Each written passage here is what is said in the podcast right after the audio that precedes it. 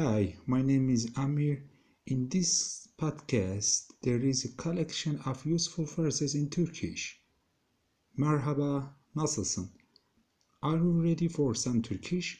Planning the trip to Turkey or want to talk to Turkish family and friends, you will need to learn some Turkish phrases to get started this speaking. Turkey is a great country to visit flights to Istanbul and other part of the country are cheap and can make for excellent adventure. Turkey can be somewhat formal compared to other languages and there is a particularly order greetings go. You will say the following greetings in just about every conversation you have. Yes. Number one. Kolay gelsin. Kolay gelsin.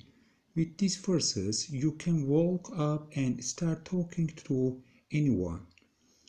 It literally means, may your work come easily, but it is an unofficial way to start a conversation.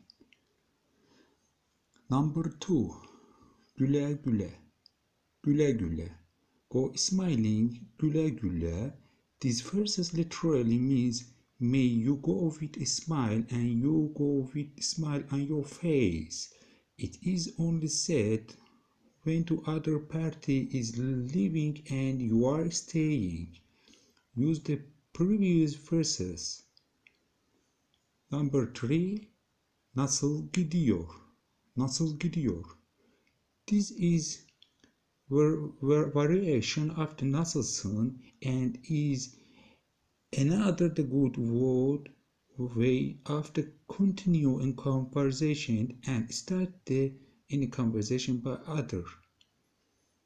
Nasıl gidiyor? How is going everything? Nasıl gidiyor?